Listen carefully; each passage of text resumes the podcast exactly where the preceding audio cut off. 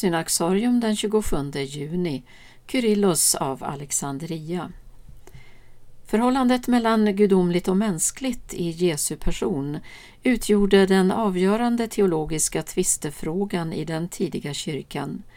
Den rörde det innersta i den kristna identiteten. Vem är egentligen Jesus Kristus? Den som på 400-talet mer än någon annan personifierade försvaret av Kristi gudom var Kyrillos av Alexandria. År 412 efterträdde han sin morbror Theofilos som biskop i Alexandria. Kyrillos var en man med hårda nypor och visade inte alltid det försonande sinnelag som meningsmotsättningar mår väl av. Men i den grekisktalande världen kom han att räknas som en av kristologins giganter. När ryktet nådde Alexandria att Konstantinopels nye biskop Nestorios hade börjat predika att Maria bara födde Jesu mänskliga natur beslöt Kyrillos att skriva till Nestorius i frågan. Det blev inledningen till en brevväxling som fick motsättningen att komma i dagen. Medan Nestorios inte kunde acceptera att Maria kallades Theotokos, gudaföderska, framförde Kyrillos en djärv teologi.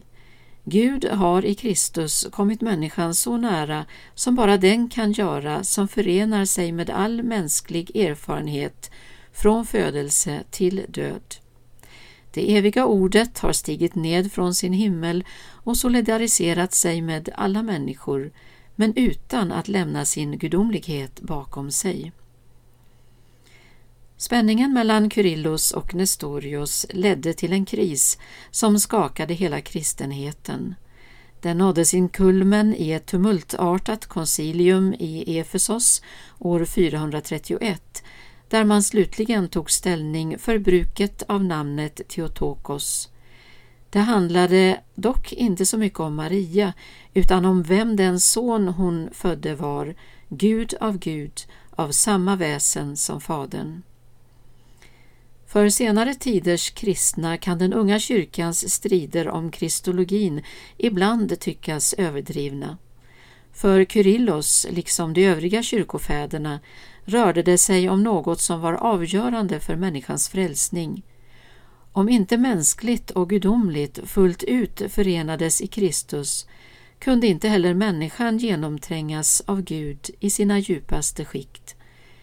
Men om det var Gud som föddes till världen, som avlades i jungfrun, låg i krubban och ammades av Maria, då var hoppet inte ute ens för den som fallit 70 gånger sju gånger. Så lärde Kyrillos av Alexandria, biskopen som kallats trons pelare.